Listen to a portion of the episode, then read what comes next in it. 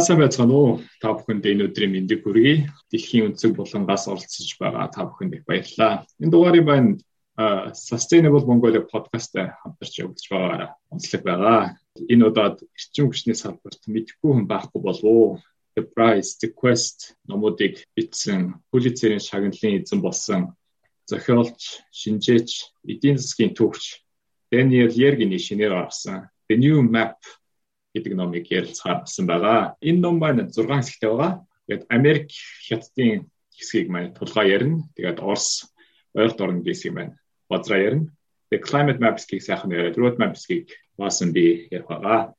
Тэгээд бүлэг бүрээ бас хувааж авч ярьж байгаа хүмүүсээ бас танилцуулбал зүгээр ах гэж бодож байна. Татуулгын хувьд бол одоо Америкт эрчим хүчний бодлогын судалгааны санд ахлах шинжээчээр ажиллаж байгаа. За базраагийн хувьд гэх юм бол техник гээд бас газрын тос байгалийн хий эрчим хүчний компанид болохоор эрчим хүчний инженерээр ажилладаг. За Баасангийн хувьд бол JJC гэдэг эрчим хүчний инженерийн компанид ажилладаг. Сайхнагийн хувьд бол газрын тосны компанид бас ажиллаж исэн. За одоо болохоор Америкийн нэгдсэн улсад инженерингийн менежментээр бол мастрын зэрэгээр сурж байгаа. Тэгээд ер нь бол яг энэ тухайн салбартаа ажиллаж байгаа за нөгөө салбраасаа мэддэг хүмүүс маань яг энэ номны талаар ярилцахаар байгаа болохоор бас нэлээд гоё хэлэлцүүлэг өрнөх байх гэж бодож байна. За баярлалаа. За ингээд Америк руугаа орцгоё. Булгаада хөдөлгөөгийг шилжүүлье. Баярлалаа. Гоё танилцуулга өгсөнд баярлалаа. Тэгээд чинь тэгээд энэ Америкийн шинэ map, шинэ газрын зураг гэдэг энэ chapter болохоор ерөнхийдөө бол яг shale revolution буюу занрын хувьсгалын тухай яг энэ яаж Америкийн эрчим хүчний байдал, эрчим хүчний хараат бус байдалд нөлөөсөн гэдэг талаар авч үзсэн байгаа. Тэгээ ерөнхийдөө 1970-ад он, 80-ад онд Араб ойрхот орнуудад газрын тосны хямрал болоод дэлхийд одоо бас нэлээ нэг газрын тосны нөөц багастай гэдэг нэг тийм үжил баримтлалыг нэлээд дэлгэж хэлж ийсэн. Roaming Club гэдэг одоо нэг хэсэг бүлэг хүмүүс гарч ирээд Limits to Growth гэдэг анхны ном гаргаж ирсэн. Тэгээ энэ энэ хүмүүс юу гэж үзэж ирсэн гэхээр нөөц соёлыг ерөнхийдөө шавхагдж дуусаад 21-р зуунд гараад бол хүмүүс л хүч өргөдөж эхэлсэн. Тэгээ эдийн засаг бол бүр доошоогоо ингээд унж эхэлнэ гэж ийм таамаглалууд дэвшүүлж эхэлж исэн. Тэгээ яг энэтэй холбоотойгоор болохоор бас Америкт ч гэсэндээ нөөц баялаг дуусч байна. Тийм болохоор томоохон компаниуд Америкээс үйл ажиллагаагаа Персийн булан руу бусад газрууд руу ингээд шилжүүлж хөрөнгө оруулалтад татчих эхэлж исэн. Тэгээ яг бодит байдал дээр одоо сүүлийн хэдэн жил ингээ харах юм бол энэ бол шал эсрэгээр явсан. Америкт бол 2010 оноос эхлээд байгалийн хий газрын тосны үйлдвэрлэл бол бүр маш их ирсэн тэр 1970 80-ад оны үед бизнес бүр хамаагүй ихссэн явж байгаа. Тэгээ энэ бол тэр юутай холбоотой вэ гэхээр Америкт 2006 онд ихэлсэн занрын хувьсгал буюу байгалийн тус газрын чиглэлд гарсан энэ томоохон өөрчлөлтөөс бол энэ улбаатай. Яг энэ бол шин тоглогчид тэгээд шин технологиудын гэсэн хоёр юм одоо хүчин зүйлс шалтгаалсан. Тэгээд номон дээр дурдсанаар болохоор энэ бол George Mitchell гэдэг хүн бол энэ хоёр төрлийн технологиг холбоод нэг нь болохоор hydraulic fracturing буюу одоо усан ботлуурын арга нөгөөх нь болохоор хэвтээ тэнхлэгийн horizontal drilling буюу хэвтээ дриллингийн аргыг ашиглаад байгалийн хийг бол олборлох шин тим айгу өөр ашигтай өрн хүмүүс боломжгүй гэж үздэг байсан хэсгүүдээс байгалийн хий тэгээ яванда газрын тус олборлох боломжтой болсон. Энэ технологиуд нь бол 1980 90 оноос өмнө 47 50 онд ер нь бас бэйсэн технологи. Тэрийг бол 90 он тэгээ 2000 оны ихэд нэгтгээд болон боловсронгуй болгоод яг энэ Shale Revolution буюу бүүн болсон байгаа. Тэгээ 2012 онд Америк Оросыг гүйцэж төрүүлээд дэлхийн хамгийн том байгалийн газрын төсөл үйлдвэрлэгч орн болсон байгаа. Тэгэхээр ерөнхийд нь бол ямар ялгаатай вэ гэхээр энэ одоо уламжлалт энэ байгалийн хий олборлох арга бол ерөнхийдөө ингээд босоо тэнглэхээр нэг шугам яваад тэгээд яг ингээд цугларсан нөөц баялгаас ингээд юга аваад олборлоод тэгээд дээшээ ингээд гаргадаг. А тэр нь болохоор бас арай газрын хэвлэлтэй арай шэйли рокийг бодвол арай ойрхон. А тэгээ уламжлалт бос нь болохоор яадаг вэ гэхээр эхлээд за hydraulic fracturing гэдэг нь болохоор нэг өмнө боломжгүй гэж үздэг байсан юм жижиг чулуулгууд дотор агуулгдсан байгалийн юм уу газрын төсөн ингэж шингийн шахах замаар бутлаад буцаж ингэж сорж авдаг. А тэгээд дараагийн чухал технологи нь болохоор хөвтэй тэнхлэг байгаа. Тэгээ өмнө нь болохоор зөвхөн босоогоор нэг газараас авдаг гэсэн бол одоо хөвтэйгээр яг нэг шоргоолжны хийшиг ганцхан одоо үйл буюу одоо худаг чооныг ухаад гаргаад тэгээд маш олон газараас их одоо олборлох боломжтой болж хувирж байгаа. Энэгээр болохоор маш их хэмжээний нөөц баялагийг нэмж авчирч исэн. А тэгээд ерөнхийдөө ингэж хараад үзэх юм бол яг яаж энэ Америкийн одоо эрчим хүчний үйлдвэрлэл олборлолт нь нөлөөсөн бэ гэхээр 2004 онд энэ төрлийн энэ технологиор гаргаж авсан газрын тос байгалийн хий маш бага хувийг эзэлж исэн Америкийн нэгдсэн улсын хувьд а одоо 2018 оны хувьд бол байгалийн хийний 70%, газрын төсний 60%-ыг бол одоо энэ шинэ технологи shale шиг газ болоод tight oil-оос ерөнхийдөө гаргаж авч авсан байна. Ерөнхийдөө бол энэ номын хувьд бол Даниэл Иргэн бол айгүй одоо энэ хувьсгалыг ерөн тийм сайшаалтайгаар тэг хүлээж авч ирсэн. А энэ бол маш гайхалтай тийм өсөлт байсан. Өмнө нь бол ингээд хинч боломжтой гэж бодохгүй байсан энэ юмыг энэ технологийн ачаар шинэ энэ тоглогчдын ачаар энэ бол боломжтой болсон. Шинэ тоглогч би өмнө өмнөх слайд дээр дурдах юм мадч нэг томоохон тоглогчд ингээд Америкийн зах зээлээс ингээд одоо юу гэдэг үйл ажиллагаагаа жоохон гаргаж хийж яхад энэ independent буюу George Mitchell-ээр ахлуулсан одоо бие даасан арай жижиг тийм олборлтын компаниуд бол хүч төрөө орж ирж энэ зайд бол маш их тийм хувьсгал хийсэн байгаа одоо Америк бол өнөөгийн байдлаар Орос, Сауди Араб бас том газрын засаг олборлагч болсон. Байгалийн хиний маш том тоглогч болсон явж байна. Тэгээ энтэй холбоотойгоор хэмжээний нэмж нөөцүүд бас тогтогдсон. Тэгээ хамгийн нэгдүгürt бол энэ Marcellus гээд энэ зүүн хойд хэсгээр байгаа Пенсильвания мужи болоод тэрний ойр хавийн хэсэгт байдаг энэ газар бол нэлээд их нөөц хамгийн их нөөц хамгийн их олборлолт явагдаж байгаа. А дараа нь болохоор энэ Texas, Louisiana-гийн өмнөд хэсгээр бол бас их э, одоо нөөцтэй. Тэгээд энд бол ер нь Жорж Мичел болоод бусад анхдагч хүмүүсийн Texas-аас энэ хийсэн. А тэгээд дараагийнх нь болохоор энэ Bakken гэдэг энэ газраас гадна ер нь энэ хавийн одоо төв төв болоод баруун гэсэн нутгуудаар бас шинэ нөөцүүд илэрсэн байгаа. Номдэр бас дурдсан нэг юм болохоор pipeline буюу байгалийн газрын тосны хоолой асуудлууд дотооддоо бол нэлээд бас зөрчил болоод эсрүүцэлтэй тулсан. Тэр нь болохоор одоо Keystone гэсэн нэг газрын тос эндээс Канадаас ийшээгээ урагшаага явах байсан. Тэрийг бас Байдны засгийн газар бас ерөнхийдөө хориг тавиад Dakota Access гэж байгаа. Тэр болохоор бас яг хав тавигдаад ингээд дууссан. Тэгээ тэр нь болохоор Backing-наас урагшаа Illinois руу явах. Иймэрхүү газрын тосны хоолой бас асуудлууд нэлээд гарч чинь. Гэсэн хэдий ч ер нь Daniel Yergin-ий номд бичснээр бол ер нь бол хувьсгал бол Америкийн нэг хувьд бол маш чухал байсан. Ягаад гэвэл 1950 оноос хойш 2010 он хүртэл ер нь ихэнх хүртэл саяхны хүртэл Америк эрчим хүчний хувьд гадаадас маш их хамааралтай байсан энэ дандаа ингэ дефициттэй явж исэн. Харин яг саяхнаас эхлээд нийт экспортын хэмжээ нь LNG байна уу, газрын тос байна уу, нийт импортлогын хэмжээнээс даваа гарцсан. Тэгээд Аз руу гарч ийн, өөр бусад улс орн руу бас гарч ийн, Мексик руу бас явж байгаа. Энэс шалтгаалаад Америкийн нэгдсэн улс бол өөрөө нэг том аюу чухал зөвхөн одоо хэрэглэгч биш үйлдвэрлэгч олборлагч тийм хүч болж гарч ирж байгаа гэж номд дурдсан байсан. Энэ нэргээд юу болж гэхээр өмнө OPEC болон OPEC-ийн бус гээд үйлдвэрлэгч болон хэрэглэгч гэсэн ийм хоёр актортай ийм орчин байсан бол энэ гурван ийм том тоглогч руу тоглогчийн энэ одоо орчин руу шилжиж байгаа. Нэг нь болохоор Америк, тэгээд нөгөө хоёр нь болохоор Сауди Араб, Тэгээд OPEC-ийн гишүүн бүс ч гэсэндээ чухал үүрэгтэй оролцдог Орос гэдэг энэ гурав бол ер нь ирээдүйн газрын тос зах зээлийг бол ингээд бүрэн гатгаж чиглүүлж юм гэж үзсэн байсан. Баярлалаа энэ бол болчлаа. За Оросын хэсэг маань бодзаа ярих байгаа. Тэгээ Оросын талаар геополитикийн эхлээд тайлбарлахад яг гоо эхлээд газрын зургаас нь тайлбарлая гэж бодсон. Орос нь өөрөө Америкийг бодвол хоёр дахин том газар нутагтай. Газар нутаг нь Европ, Америк гэдэг хоёр төв давмцсан. Газар нутгийнх нь 75% нь Аз төвд оршдог чи Азийн улс биш. Тэгээд 25 хэсэг нь Европ төвдөө оршдог. Тэгэхээр Оросын геополитикийг ойлгоё гэвэл Орос нь өөрөө хоёр асуудалтай. Нэгдүгээр асуудал нь Оросд яг далайн порт байдаг. Далайн порт байдгүй гэдэг нь далаад гарцтай боловч шиг Оросын ихэнх портууд нь тас хөлддөг. Жишээ нь Владивостокын порт бол жилдээ 4 сар бүр тас үлддэг. Бусад портууд нь бол бүр жилээс 4 сараас их хэмжээнд үлддэг. Владивостокын Востокын портон дээр мөн э, тэр хэсэг нь э, Японы тэнгист хүрээлэгдсэн байдаг учраас яг тийм их гүрний хүчийг үзүүлэх боломжгүй. Дээрээс нь дэлхийн худалдааны замд оролцох боломжгүй тийм байдалтай.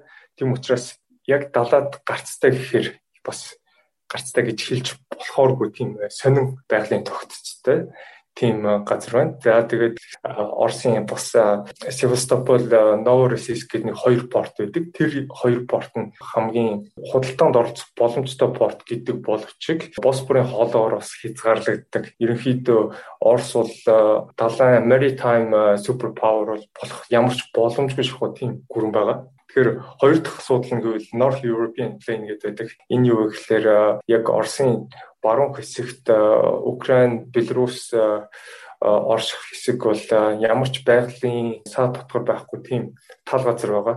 Тэгэхээр ер нь Гитлер, Наполеон гэдэг хамаг Орос руу дайрж исэн бүх хүмүүс яг энэ North European Plainer дайрч өнгөрсөн байдаг.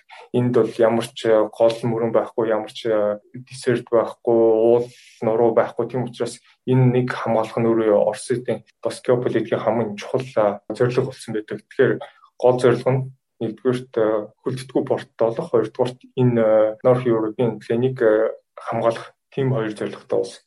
За тэгэхээр Орос нь өөрөө бол асар их байгалийн хий болон газрын тустай ярих юмгүй угаасаа газрын тусын хэмжээгээр ихний 6-ад яг боловсруулалтынхаа хэмжээгээр ихний 3-т тийм улс байна. Тэгэхээр яг Оросын хамгийн том асуудал яг юунаас эхэлж ийн вэ гэхээр Орос нь өөрөө зөвлөлт холбоот улс гэдэг нэг том гэр бүлийн дор маш олон үндэстнийг багтаасан тийм том улс үйл ажиллагаагаа явуулдаг гэж байгаа 1991 онд генет зөвлөлт холбоот улс 15 улс болоод задарсанд хамаг асуудал үүсэж эхэлсэн гэж хэлж болно. Тэгэхээр 15 улс үсэд гол асуудал нь юундаа үүссэн бэ гэхлээр зөвлөлт холбоот улсад хийгдсэн байсан бүх бүтээн байгуул яг Орос улстай үлдээгүй жишээ нь Казахстан улстай цөмийн зэвсгийн туршилтын байгууллагууд үлдэх жишээтэй эсвэл Беларусь, Украинд газын байгалийн хоолойны инфраструктурнууд үлдсэн байх жишээ. Тийм учраас Орос нь өөрөө яг regional super power байж байгаа regional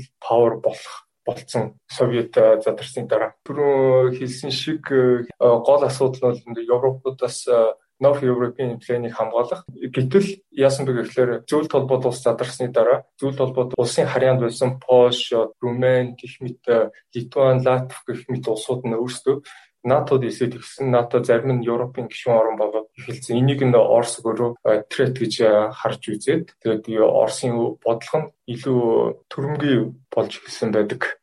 Тэгэхээр ямар ч presidential term ер нь газрын засны үнийн чарт ер нь харьцуулж болно гэж ярьдаг. Тэгэхээр энэ одоо 2000 онд Путин анх гарч ирж байгаа. Путин анх гарч ирсэн өөрөө Путин өөрөө маш азтай үед гарч ирсэн. Яг тэгэхээр 2000 оноос хятадын эдийн засаг бүүн болж эхэлж ирсэн. Тэгээд энэ үед бол газрын тосны үн өндөрт хүрээд яг энэ үеэр Путин өөрийнхөө бүх хүчийг олж авсан байдаг. За цаашаа тэгэхээр Путин 2000 онд ерөнхийлөгчийн байр суурь дээр очиод газрын тос болон байгалийн хийн салбарыг nationalization гэж ярьдаг. Тийм болгосон Rosneft гэдэг яг газрын нас тос хариуцдаг компани. Тэгээ Gazprom гэдэг зөвхөн байгалийн хариуцдаг компани байгуулад Европод бусад гадаад ертөнцтэй энергийн худалдаагаа ихсэн гэж хэлж болно.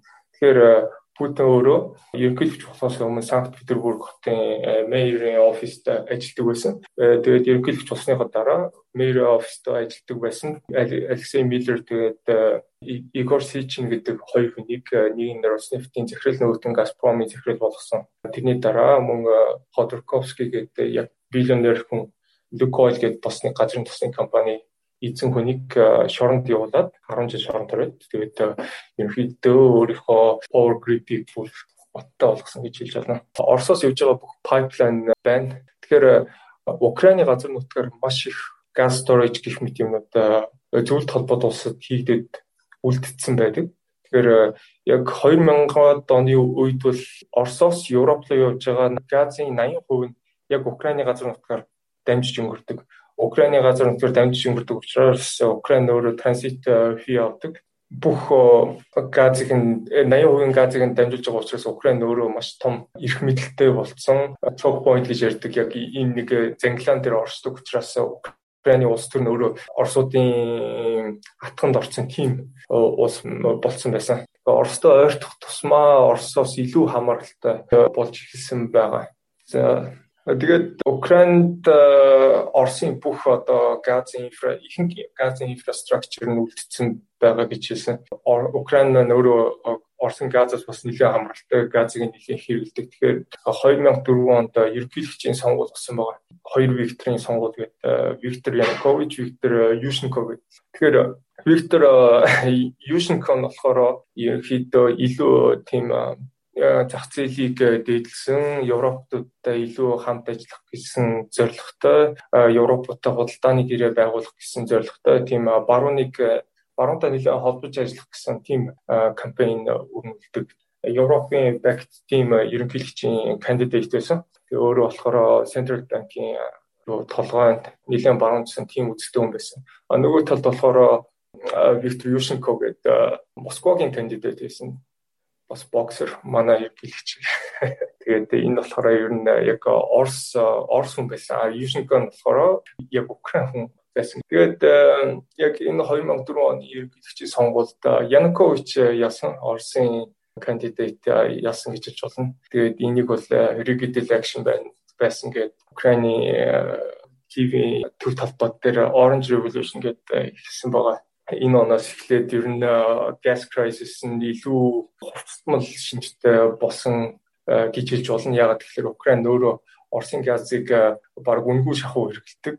Үнгүй шахуу хэрэглэдэг учраас хямд газын үнд тасцсан. Тэгээд бас Gazprom гэдэг гол компани нь өөрөө Украиныг илүү маш их өөр бичсэн байсан. Яг өөрийнх нь кандидат сонгогдохоо болжингууд яг тэр бүх өөрнийхөө бичиг баримтыг гаргаад одоо тавхан өөрөө төлөө үед Украинд улс төрийн нөлөөгөө үзүүлж ирсэн гэх юм уу. Тэгээд яг одоо энэ болж байгаа Украин Оросын хоорондын дайн байлдаан гэх мэт юмнууд ерөнхийдөө Украинаар дамжиж байгаа хийн хоолой асуудлаас олж үүссэн гэж хэлж болно. Тэгэхээр яг энэ явдлын дараа Оросууд бас нэг сургамж авсан. Тэр нь юу вэ гэхээр энэ транзит улс байх нь өөрөө маш их аюултай байна. Оросын өөрийнх нь GDP газын арилжаанаас нэлээд ихийг олдог. Тийм байхад Украин гээд нэг улсаар ихэнх газа явуулах нь өөрөө асуудалтай байна. Ер нь оройгоо улсын аюулгүй байдалд нөлөөлөх юм байна гэдэг Орос улсын бодлого нь өөрөө транзит улсаар дамжуулахгүй байх бодлогыг арьж гисэн. Тийм ч учраас Оросууд шинэ пайплайн барихтаа Nord Stream 1 гэдэг пайплайн барихтаа шууд хар тэнгисийн доогуур тавьсан байгаа. Балтик сэрийн доогуур. Тэгээ энэ өөрөө маш их зардалтай маш их асуудал дагуулсан пайплайн болсон. Ягаад гэвэл Европын холбооноос гол хулдаа хүчин Герман Европын холбооны лидер улсуудын нэг. Тийм байхад жишээ нь одоо Польш, Латв гэх мэт улсуудаар яагаад дамжуулаагүй вэ? Асуудал нэлээд үүссэн. Тэгэхдээ гол зорилго нь бол Оросуудын хувьд э, ямар ч э, транзит э, улсаар дамжуулахгүйгээр шууд зарах нь өөрсдийнх нь орлогот ямар нэгэн нөлөө үзүүлэхгүй байна гэж бодсны үндсэн дээр шууд ингэж 70 дугаар тавьсан байдаг. Тэрний дараа түрүүн хилүүлгийн өмнөх Nord Stream 2 гэд барьж ихэлсэн нэлээд яваад дууссан, бараг дууссан. Барилгын ажил нь дууссан. Трамп гэдэг ерөнхийлөгч гарч ирээд зогсоогоод Оросын компани өөрөө pipeline сонгоц худалдаж аваад тэгээд одоо дуусгацсан сертификацийн ажил явагдаж байгаа тийм э, төсөл одоо ингээ хэрэгжчихсэн байна. Гол асуудал нь бол Оросуудын геополитикийн гол зорилго нь бол transit country, transit улсаас салангад байх. Европ нь Оросын газаас хэд хамааралтай ч гэсэн Орос нь өөрөөсөө Европын орлогоос хамааралтай болсон учраас Орос Европ хоёр нь өөрсдөө харилцан хамааралтай гэж үзэж болно. Тэгэхдээ яг жинлүүл ерөнхийдөө Орос нь илүү Европоос хамааралтай. Ягаад гэвэл Оросын газар яг энэ дээр Европ шиг үнээр авах газар одоохондоо байхгүй. Америк өөрөө хилэнжтэй түрүүн тулгаа ярьсан.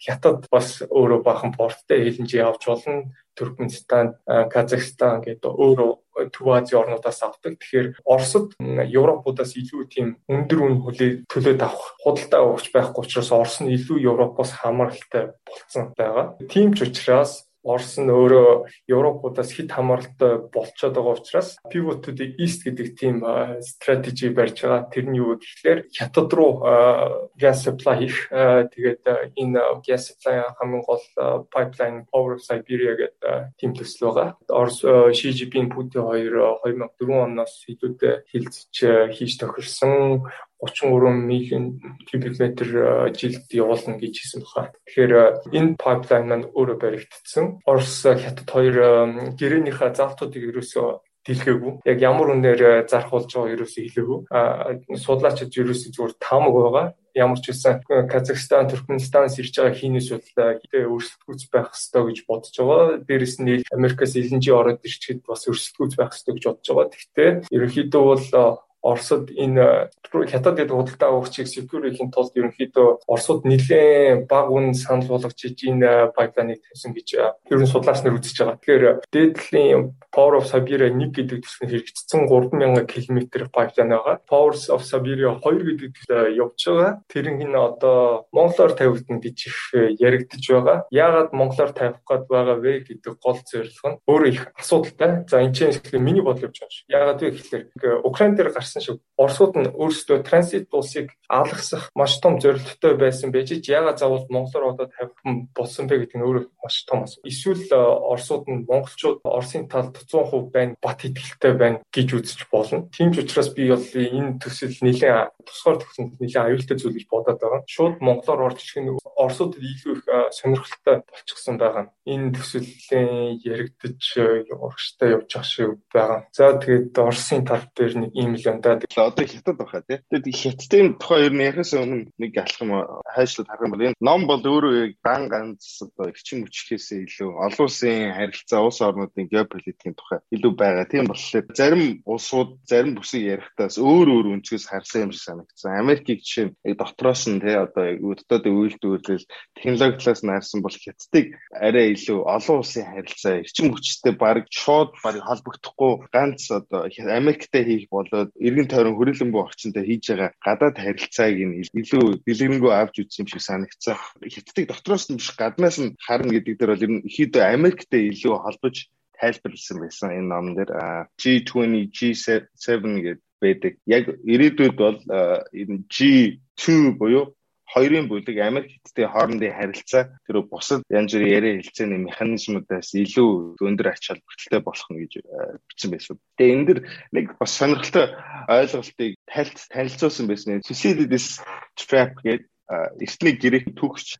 Thucydides гэдэг хүн бол Пелопоннесийн дайн Афин Спарта хоёрын дайныг бол бичиж үлдээсэн байдаг. Энэ дээр болохоор Спарт гэдэг нэг доминанттэй хуучин байсан хот улс хүчрхэг хот улсыг хот улсыг чаленж хийгээд Афин гарч ирсэн. Шинэ шинэ хүчрхэг хот улс гарч ирсэн. А энэ нь болохоор энэ шинэ хоёр юм хүчрхэг бүшнэттэй юм хоёр хүчрхэг плеер буюу тоглогч гарч ирснээр энэ хоёрын хоорондох зөрчил мөрөлтөө хүчний ааргаар дуусгах цайгаа болсон.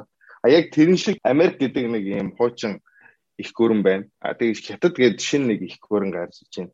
Яг энэ хоёр тэр Афин Спарт хоёрыг хувь заяаг давтах үедээ гэсэн нэг ийм ойлголт байгаа.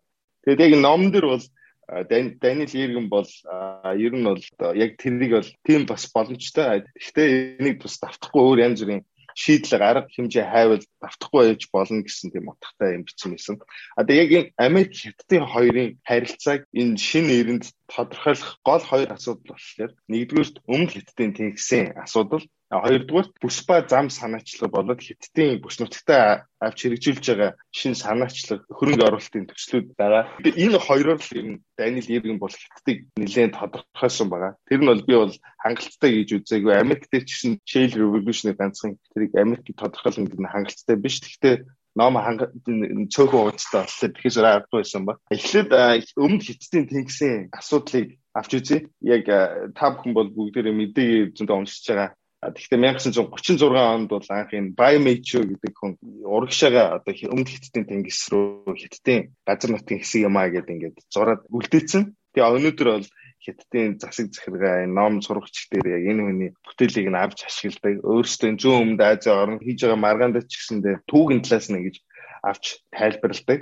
Тэгээд өнөөдөр бол одоо ингээд маш их хэмжээний газрын тос, байгалийн LNG те байгалийн хий гэдэг нь одоо нэг шингэрүүлсэн LNG байдлаар Тэгээд тэрнээс гадна эрчим хүчтэй холбоогүй бусад маш их хэмжээний бараг бүтээгдэхүүн өмд хиттийн тэнгисээр бол зөөвөрлөгддөг. Тэгээд энэ дишигээ эрэхтэй нэг Малакийн цовгаар гараад тэгээд ийшээгээ ингээд явдаг. Өдөрт бол одоо 10 энд бол 11 сая байвал өдөрт гэж юм. Тэгээд энэ 2011 энэс бол нэмэгдсэн байгаа. Тэгэхээр дэлхийн нийт бүтээгдэхүүний бараг 10 хэдэн хувь нэм энэ зөвхөн энэ тэнгисээр ингэж явж гэнэ гэсэн. Зөвхөн хятад руу биш бүтээгдэхүүнүүд бол эрчим хүчний бүтээгдэхүүнүүд өмнө Солонгос тэгээд Япон руу бас давхар явж байгаа. Энтэй холбоотойгоор бол Хятад ASEAN-ы буюу зүүн өмнөд Азийн улсуудтай нэлээд зөрчилтэй байгаа. Тэгээд энэ гурван гол асуудлыг бол энэ ном дээр э, дурдсан байгаа. Нэг нь болохоор энэ дотор байгаа зөрчилдөөний гол голомт болоод байгаа арлуудыг хийн эзэмшин. Хоёрд нь болохоор зүүн өмнөд э, одоо Азийн тэнгисийн хэсгийн яг 70 ус нь хиний мэдлэлтэй хятадын мэдлэлтэй юм уу? Хятадууд л 90% нь манай одоо газар нутаг гэдэг. А гуравт нь болохоор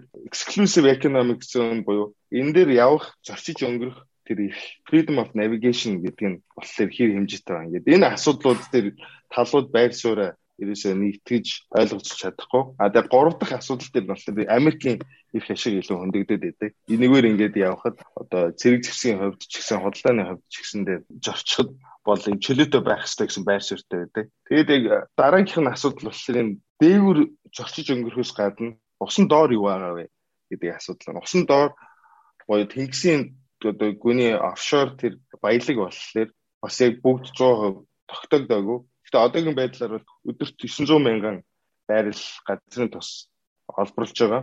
Эндээс энэ бол ер нь дэлхийн нийт бүтээгдэхүүний юм уу үйлдвэрлэлийн юм уу эсвэл хэрэглээний нэг хувь орчим нэгээс ч бага хувь тийм болохоор яг Даниэл Иргэн бол энийг үзсэн байгаа. Яг энэ асуудал дээр өмнөд хятадын тэнгисийн геополитикийн асуудал дээр бол хятадын хувьд хятадын эдийн засгийн аюулгүй байдлын хувьд доглоо доор байгаа юм бол бүр тийм хамгийн чухал юм биш. А хамгийн чухал юм бол далай дээр тэнгисийн энэ усан замууд гэсэн арай илүү геополитикийн аюулгүй байдлын асуудлууд илүү чухал гэж үтсэн байгаа. Тэгээд энэ нэг шийдэхгүй бол тэнгис бол ер нь нэлээд буцадмал тийм одоо энэ харилцааг тодорхойлох хамгийн чухал асуудлуудын нэг болсон байгаа гэж бичсэн. А тэгээд дараагийн нэг асуудал бүс ба зам санаачлага.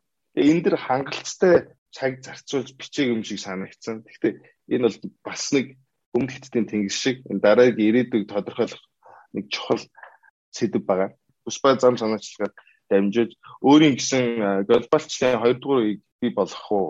Ер нь бол телевизээр мэдээгээр зөндөө гарч байгаа болохоор бүгдийг нэг тайлбарлах албагүй. А ер нь бол 2013 оноос хойш хятад эрчим хүч дэд бүтээц тээврийн маш олон төслүүдийг Төв Азийн болон тойрон хүрээлэн байгаа улсуудад ингэж торгоны замыг сэргээж ингэж хөгжүүлж хөрөнгө оруулалт хийж ирсэн. Энийг бол одоо баг 2013 оноос баг баг өөрийн бейсэн төлөвлөж байгаа бүх төслүүдээс бүсбай зам санаачлагтай холбоод ирсэн.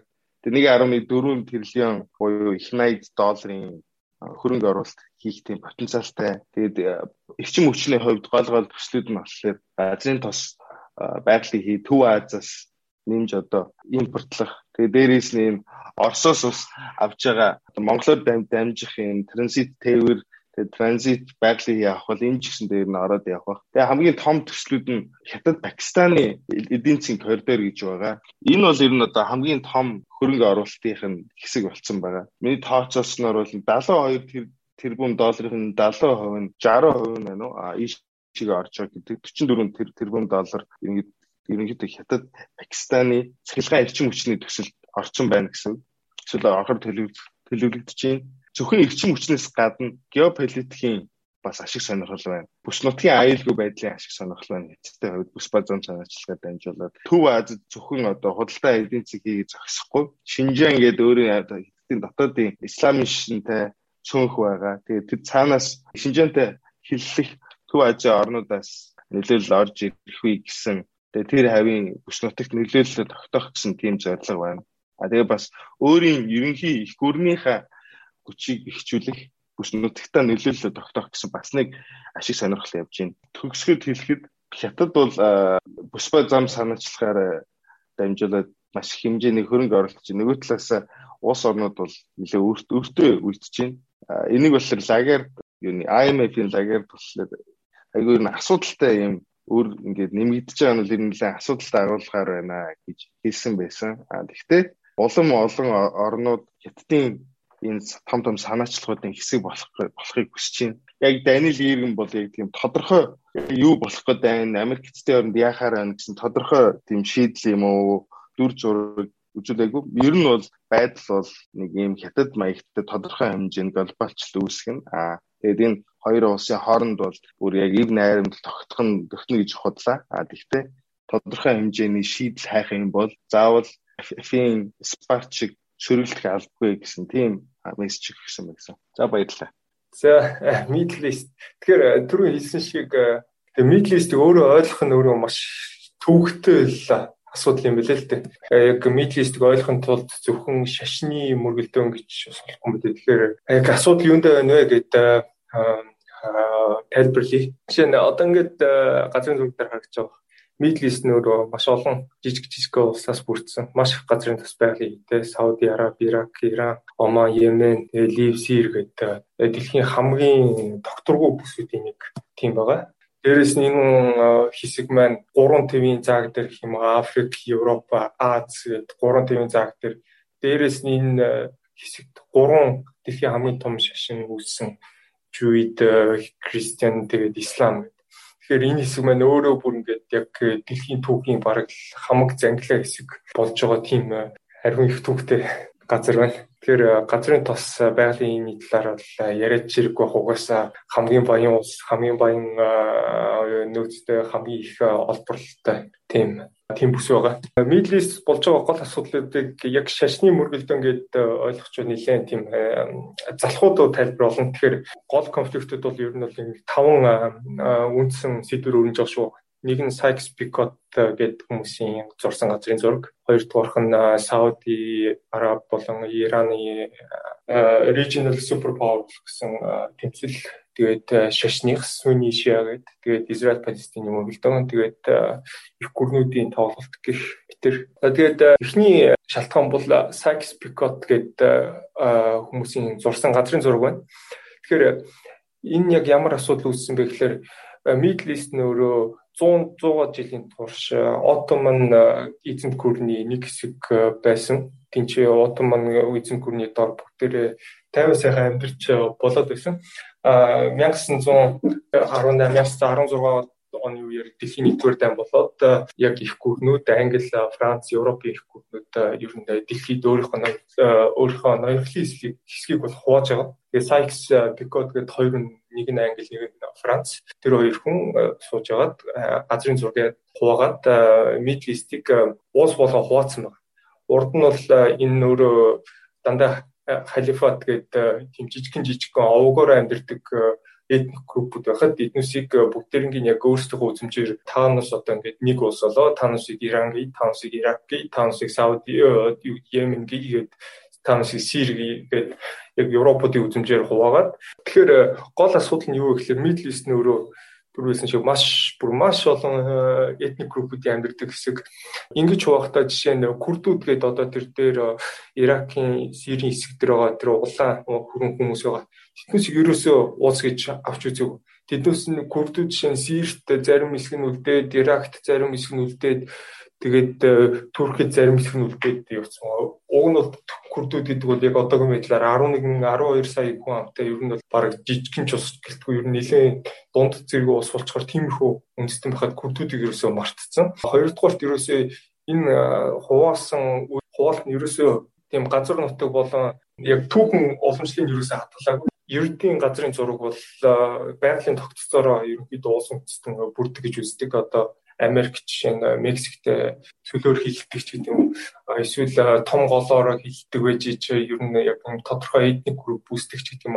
А гэтэл яг энэ region дээр болохоор зүгээр л европчууд ирээл биднээс ингээ хоонаа гээл яг л одоо нөгөө жишээ нь Африкийн газрын зургийг харуул ингээ чугандаа тооцсон байдаг юм шиг.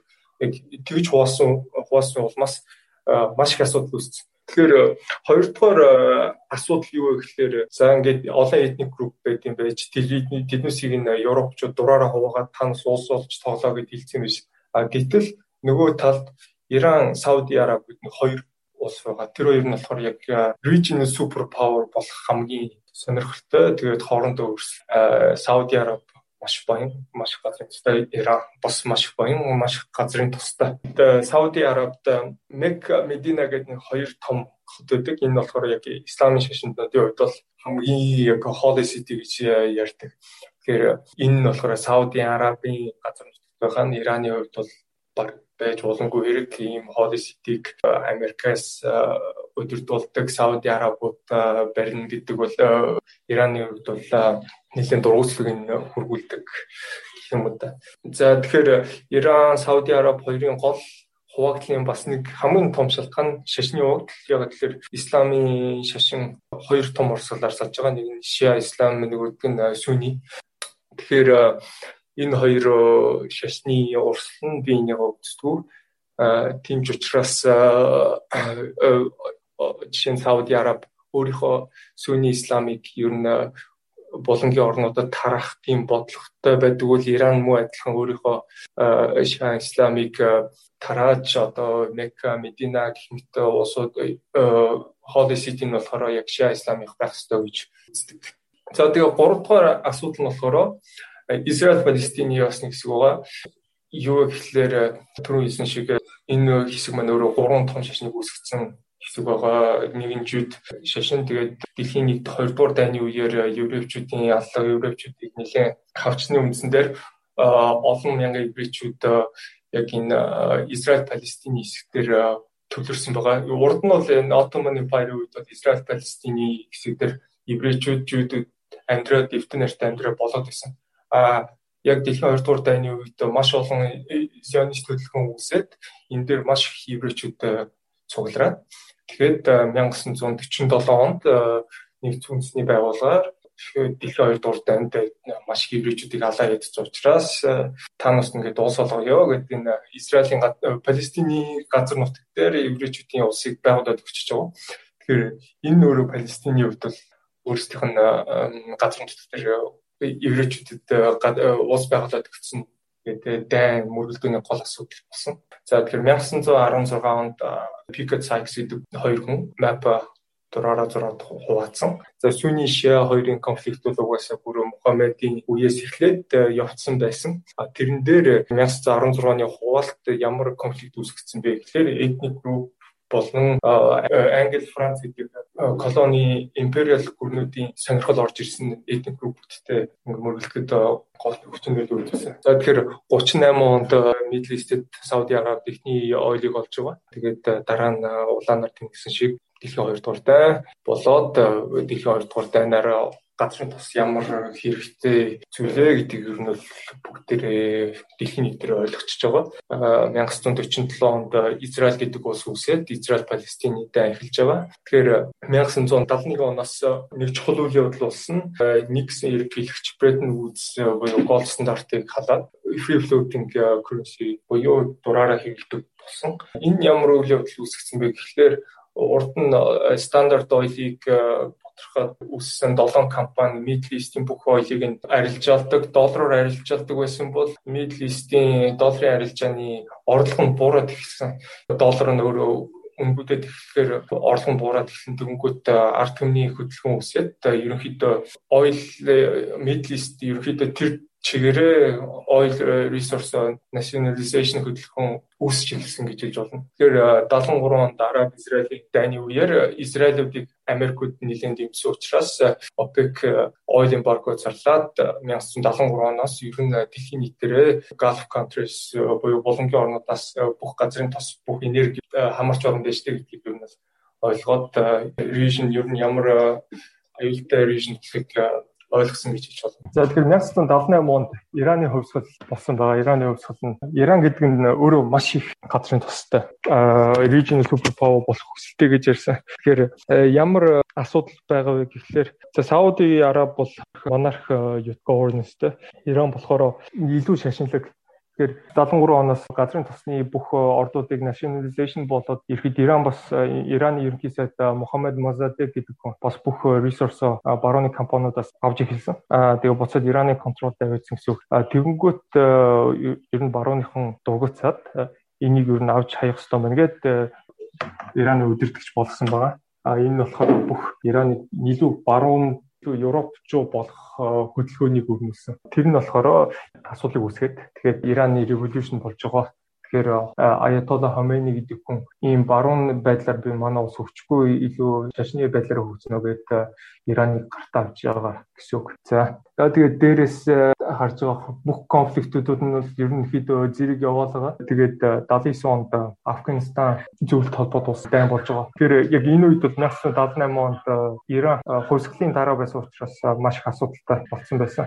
За тэгээд 2003 онд Америкийн нэгдсэн улс Саддам Хусейнийг Аль-Каидатай холбоотой дээрэс нь бас Үе олноор нь ус зэвсэг үйлдвэрж ин гэдэг шалтгаанаар Ирак руу дайраад Саддам Хусейнийг устгасан байдаг. Тэгэхээр энэ ч нэг чухал зүйл гарч ирж байгаа. Тэрний юу гэхээр Саддам Хусейнийг устгасан нь өөрөө маш олон цэргүүдийг ажилгүй болгоцсон. Насаараа Саддамаас цалин авч исэн хүмүүс одоо ерөөсөө бахан зэвсэгтэй тэгээд хийх ажилгүй болсон гэсэн үг. Афганистан өөрөө бас ер нь Middle East-ийг Европчууд яг өөрсдийнхөө өнцгөр хардаг маш том алдаа болсон гэж үзэж байгаа. Жишээ нь Афганистан дээр гол хотыг нь Кабул гэдэг Кабулаас хамаг юмыг үдирддэг гэж боддог байтал яс юм дээр Афганистаны одоо энэ яг энэ population мат яг Кабулта бүгдээр захирддаггүй үгүй энэ дээрс нь нэмээд бүгдээр маш олон этник групп байгаа маш олон шашингууд байгаа. Тэгэхээр Кабулын төрийг нь governance-ийн солилоо гээд Америкийн хүнийг тавилаа гээд Орсын хүнийг тавилаа гээд ер нь ямар ч нэмэргүй болсон байт юм байлээ. Жишээ нь Al-Qaeda гэдэг групп. Яг ийм шалтгаанаар Кабулаас бүр хол байх регионуудад үүссэн байгаа тэгэхээр гол нь Middle East-ийн гол өөр бас нэг асуудал нь юу гэхээр хаа нэг газар дайм болоход ерөөсөө тэнцээ Сүний байна уу байна, Сауди Шиа байна уу байна. Тэнгүүд шууд Сауди нар нь шууд Сүнигаа дэмжиж, Иранууд нь шууд Шиагаа дэмжиж ерөөдөө прокси дайм болгочдөг гэсэн үг. Сүүл рүүгээ Саддамыг 2003 онд Бушийн засгийн газар байхгүй болгочингууд Саддамын орлог хүн яг ясам дээр байгаагүй. Маш олон зэргүүд ажилгүй болсон. Тэнгүүд тэнцээ хоорондоо дайдаа civil war үүсээд түүний дэмжлэг, түүний шүтлэгтэй цэргүүд нь Саудигаар цалинжаад Шиа шүтлэгтэй цэргүүд нь болохоор Иранаас цалинжаад тэгээ хоорондоо ерөнхийдөө civil war үүссэн гэсэн үг. Тэгээд энэ үеэр юу бол дэлхийн дээр бас юу болж байна вэ гэхээр бүх этник тэгээ шашны тэгээ Израиль Палестины бүх мөргөлдөөн давхар явсарлага 2010 онд Arab Spring буюу яг арабын ертөнцийг донсгосон үйл явдал болсон олон жил төр барьсан диктаторуудын эсрэг тэмүүлгэн явсан байгаа. 2011 онд Сирт энэ хөдөлгөөн нэлээ хүчээ авч эхлээд тэгээд Сирт иргэний үүссэн байгаа. Сирт юу болчих вэ гэхээр Башир Асад яг тухайн үед л удирж исэн нэлээ баруунчсан удирдах Сир яг Arab Spring үеэр болохоор энэ хүнийг унгаах хөдөлгөөн өрнөө. Сир бас өөрөө civil war шилжиж байгаа. Тэнгүүд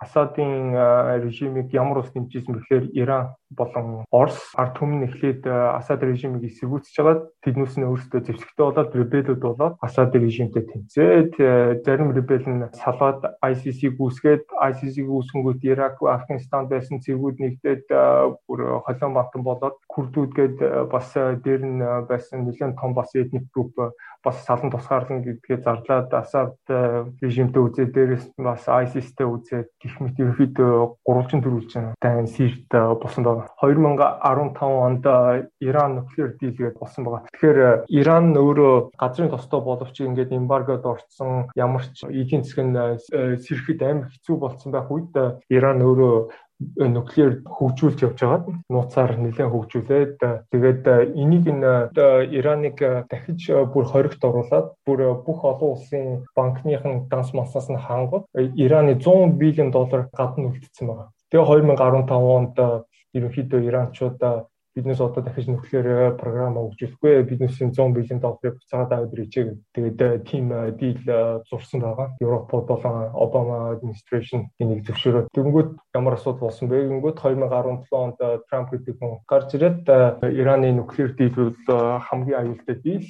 Иранчуудад хизээч 100 бэлэн долларын цааш олох ёсгүй. Тэгэхээр Иранчуудад танаас weapon of mass destruction буюу үе болноор устгах зэвсгүүдийг хөгжүүлэх боломжийг өглөө гэдэг тийм шүүмжлэлийг хийсэн байдаг. За тэгээд 2018 онд Америкийн нэгдсэн улс Трамп Трампын тушаалаар Ираны нөхлөөр дийлээс гараад гисэн байгаа. Тэгээд 2020 онд Ираны хамгийн том генерал бол Солимани гэдэг нэг дрон атакаар алдсан байна. Тэгэхээр энэ бол Иран бол Америкийн харилцааг бүр хоёр төлд авчихсан гэж болно. За тэгэхээр нөгөө талд бол Сауди Араб гэдэг улс бол газрын тусаар бүр маш их баяжсан. Тэгээ Сауди Арабын хаан Кинг Ибн Сауд гэдэг хүн 1953 онд өгөөд өөрөө 45 хүүхэдтэй өөрийнхөө successor 35 настай MBS буюу Мухаммад бин Сауд төлөвлөд тийм хүнийг сонгосон байгаа. Тэгэхээр энэ хүн маань өөрөө маш их асуудал тарьсан байгаа. Яагаад гэвэл энэ залуугаас илүү их өдөртөх боломжтой тийм хүчтэй хүмүүс их байсан боловч энэ залууг сонгоод тэгээд энэ залуу яг одоогийн байдлаар Сауди Арабида power grid-ийг нэлээд төвчүүлэх тушаалтай болчихсон байгаа. Тэгээд энэ залуугийн гол програм нь 2030 он гэхэд Сауди Арабыг oil revenue-гээс хамаарахгүй болгох тийм вижнтэй 2030 он гэхэд маш их тех э, аялал жуулчлагдсан тиймэрхүү вижн байдлаар Сауди Арабыг хөгжүүлнэ гэж тэгээд олон улсад нэлээд шууганыг тариад э, нэлээд шинэ үе гэдэг э, байсан. Дээрээс нь хэдэн хүмүүсийг машин барих эрх мэрхийн сэргийгээд нэлээд Сауди Араб нэлээд өөрчлөлтийг авчирж ийн гэж хэлж байс боловч 2018 онд Жамал Кошоги гэдэг хүний Сауди Арабын элчин сайдын амд нууцаар алсан нь Сауди Арабын Crown Prince-тэй холбогдоод ерөнхийдөө нэр хүнд нь олон улсад буцаад унчих гаргасан гэж хэлж болно. Saudi Aramco бол Saudi Saudi Arabia хамгийн том компани дээрээс нь дэлхийн хамгийн том компани. Тэгэхээр Aramco гэдэг компани IPO хийсэн байгаа. IPO нь бол дэлхийн түүхэд байгаагүй хамгийн том IPO болсон. Ерөөсөө 125 билүүдэд тим хувийн яг нээлттэй зах зээлд арилжаалсан. Маш баггүй ба. Энэ өөрөө бүр маш breaking news бас яг Saudi Aramco бол Saudi Arab гэсэн үг. Тэгээд IPO хийнэ гэдэг нь бүх менежмент, бүх тайлан, бүх балансаа ил болгож гин гэсэн үг. Энэ нь нэлээд Saudi Arabыг нэлээд өөр тийшээ хөгжиж байгааг бас нэг илрэл болсон. Дэлхийн түүхэнд хамгийн том IPO болсон. За, ингээд дуусч тулгаа базар хоёртоо баярлалаа их сонирхолтой яриа байлаа. Тэгээ roadmap хэсгийг би та бүхэндээ ярий. Энэ болохоор ямар нэгэн тусгай улс биш техник технологийн талаас хүн болон барааны хөдөлгөөн яаж хөсөж өөрчлөж байгааг харуулж байгаа тийм хэсэг байгаа. За тэгээд Oliver O. Fritchley гэдэг Америк хүн байгаа. Энэ хүн болохоор 1908 онд цахилгаан машин гаргаж ирсэн тийм хүн байгаа. Тэгээд 10 морины хүч чадалтай 100 майл ойлголцоор 160 км явдаг байсан тийм машин 1908 он гэхэд бэлэн болгоод үйлдвэрлээд явдаг байсан байгаа. Тэгээ бас сонирхолтой мэдээ гэх юм бол Нью-Йорк хотод хэрэглэгдэж ашигладаг байсан автомашины талаас дээш хувийн бүгдээрээ цахилгаан машин байсан юм байна. Тэгээд үүнийг мэдээж Томас Эдисон маш их хэмжээс их ашигладаг байсан байна. Тэгсэн боловч 1920-ад оноос эхлээд Henry Ford T модель гаргаж олноор үйлдвэрлээд өөр бас нэг цахилгаан машин үйлдвэрлэсэн компани асуудалтай байгаа. Хүний амнаас үгүй болоод тийм олон олон асуудал бас болоод цахилгаан машины хэрэглээ багасаад Ford компани T модель маш ихээр ашиглагдав болсон байна. Тэр үед бас газрын тос нөгөө нэг баг байсан. Тийм болохоор олон олон хүчин үйлсэнд байсан баха. За тэгээд литиум ион батарейн талаар жоохон дурдхад бол 1973 он сая базрагийн маань тайлбарснаар ойролт орондод асуудал болоо. Тэгээд Израиль улсыг дэмжижсэн Америк, Япон болон Европын холбооны улсууд газрын тосоо зарахгүй гэдэг шийдвэрийг гаргасан ба түүнээс болоод oil crisis болсон маш өдөө болсон. Тэгээд энэ асуудлууд дээр яаж хариу нөлөө үзүүлэх вэ гэдэг Exxon Mobil компани тавгасан мэдж байгаа. Тэгээд лаборатори дээр литиум ион батарейг ерөөсөө анх яаж ашиглах вэ гэдэг прототипыг гаргаж ирсэн байна. Энэ төслийг нь Stanley Whittingham гэдэг хүн удирдах авч явж ирсэн. Тэгээд та бүхэн санаж байгаа бол энэ хүн маань Good Enough болон Японы Akira Yoshino гэдэг хүнтэй хамт гуруула 2019 онд химийн ноодын шалгасан хүмүүс байгаа. Тэгээ прототипыг гаргасны дараа Sony компани 1990-ад оноос хойш ерөнхийд олон нийтэд худалдаалж эхэлсэн тийм юм байна. За тэгээ гол сэдвтэ ороход энэ болохоор цахилгаан машины талаар ярих болно. Тэгээ цахилгаан машин ерөнхийдөө хаанаас хизээ яригдахад яригдаж эхэлсэн бэ гэх юм бол 1990-ад оноос хойш Калифорни мужаас эхэлж гарч ирсэн. Калифорни муж тэр маш их тоостой удаатай ерөөсө харагдахгүй болсон тийм асуудал байсан. Цахилгаан машинуудыг ямар нэгэн аргаар илүү хаягдл багтаа болохоор байхгүй гэдэг асуудлаар ярьж байсан. Энэ асуудал дээр ямар арга хэмжээ авсан бэ гэх юм бол 2003 онд Straubel гэдэг залуу байгаа. Stanford төгсөөд инженер байсан тэр залуу маань Elon Musk дээр уулзал ямар пич тавьсан бэ гэхээр цахилгаан онгоц хийвэл ямар байх гэж яриасан. Elon Musk цахилгаан онгоцоо энэ ерөөсө бүтэхгүй юм шүү. Эсрэгээр цахилгаан машин байвал сонирхолтой юм яриад яриа нийлээд анх тэгээд 2003 онд Tesla Tesla гэдэг компани энэ компани байгуулсан байгаа. Тэгээд тэр үед цахилгаан машин гэхлээр амар удаан ч юм уу сул ч юм уу машин унжаа гэсэн мэдрэмжийг авахгүй юм биш үү гэдэг тийм их яриа ярьчихсан боловч Tesla гэвэл бол тэр цахилгаан машин унжсэн ч гэсэн ингээ хүчтэй cool brand гэдэг утгаараа энэ машиныг гаргая гэсэн тийм санаа тавьсан байгаа. Тэгээд 2009 онд Tesla Roadster-ийн прототипыг 2008 онд худалдаанд гарч ирж байсан. Тэр үед данж харамсалтай маш үнэтэй байсан. Roadster нь болохоор 109 мянган Америк доллар зарагдаг байсан. Тэгээд 2012 онд Tesla Model S гаргасан. Тэгээд 2016 онд Model 3 гэдэг загвар гаргасан. Тэгээ баг багаар өн багсаар агаад шинэ загвар бол 30-аас 35 мянган доллараар дарагдаж эхэлж байгаа юм байна. За энэ үеэр бас юу болсныг та бүхэн сайн мэдж байгаа хаа. Энэ 2013 Volkswagen ер нь Европын олон оронд дизель хөдөлгүүрийг ашигладаг байсан. Тэгээд Америк ч гэсэн ер нь дизелээр машинуудыг хөдөлгөж зардаг байсан. Тэгээд дизлийг болохоор хамгийн цэвэрхэн energy, clean energy гэж пропаганда явуул слогантай зардаг байсан боловч дахиж Америк улсын судалгаа шалгаж үзсэн чинь зарлаж байсан хүлэмжийн хаягдал нь амар алдаатай байсан юм уу улхаатай байсан. Тэгээд энэ нотогдсноос болоод Volkswagen компани захирлууд нь бүгдээр халагдаад шоронд орох хүмүүс бас гарч ирээд байгальд учруулж байгаа хор нөлөө аюул бүх гамшиг дээр ойролцоогоор 30 тэрбум Америк доллар settlement гаргаж ирсэн тийм төвд байгаа. Энийг Dieselgate гэж бас хэлдэг байгаа. Тэгээ үүнээс болоод 2015 онд Европын холбооны улс байгалийн шинэ дүрм гаргасан. Энэ тэгээд энэ жилээс хэрэгжиж эхэлж байгаа. Тэгээд энэ дүрмийг авах юм бол ойр зор улдаанд гарч байгаа машинууд нь ерөнхийдөө захиргаан хөдөлгөөнтэй ашиглахгүй бол дизель хөдөлгөөрч бусад бензинээр ашиглах хөдөлгөөнүүд нь хурдуудаа гарч ирсэн бол тэрэ их ингээд алдагдал авах байсан. Тэгээд зарим машинууд нь бол алдагдлахээс илүүтэйгээр тургуул төлөх тийм шаардлагатай болсон. Тэгээ ерөнхийдөө бол үүнээс эхлээд цахилгаан хөлбөртэй машин ер нь бүүн болж гисэн гэж хэлж болно. За тэгээ Tesla руу буцаж ороход бол Tesla 2017 он гэхэд 100 мянган машин зардаг байсан боловч тэр үед ойролцоогоор 10 сая машин зардаг байсан. General Motors компани гэдэг Америкт компани нөхөх тэрнээс үнэлгээгээр илүү болж гисэн.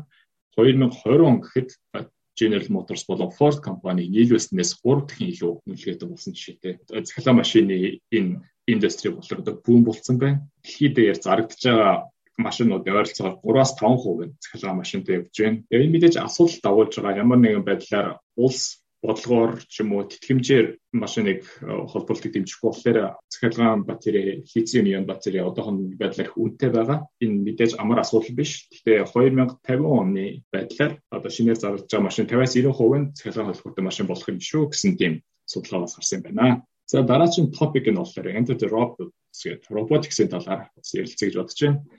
Э, DARPA гэдэг компани бол Defense Advanced Research Project Agency-гийн төвшлөл Монголоор бол батлан хамгаалахын дэвшил судалгааны төслийн агентлаг гэсэн тийм нэртэй байгаа. 1957 э, онд зөвлөлт холбоод улс анх Спутникийг сансарт гаргасан. Тэр үед э, Америкийн холбооны улс бид нэр зөвлөлт холбоос хосорж байгаа юм шүү. Ямар нэгэн аргаар бид нэр catch up хийх болохгүй гэдэг утгаараа энэ байгууллагыг 1950 онд гаргаж ирсэн. Тэгээ энэ байгууллага нь ерөнхийдөө ботлон хамгаалахын салбарт төвлөрч технологийн одоо дэмжиж чин чиглэлөнд гаргадаг байгаа. Үүний нэг нь юм бол одоо радарт харагддаг хөлөг онгоц ч юм уу эсвэл GPS ч юм уу тиймэрхүү шин технологиудыг гаргадаг тийм компани байгаа. Тэгээд их сургуулиуд компаниудтай хамтарч ажилладаг тийм компани байгаа байна. Тэгэд энэ компани нь болохоор нэг судалгааны ажлын нэг Grand Challenge гэдэг тэмцээн явуулдаг. Энэ яадаг тэмцээн бэ гэх юм бол машинуудыг автоном байдлаар явуулах гэсэн. Жишээл хүн суухгүй гаднаас ч юм уу өөрөө өөр удирдлагатаагаар Невада мужид 200 км орчим газрыг хин хурдан явж туулж чадахгүй гэсэн тэмцээн зохиосон байгаа. Тэгээ 2005 оны тэмцээнд Stanford их сургуулийн Sebastian Turn гэдэг герман гаралтай хүн байгаа.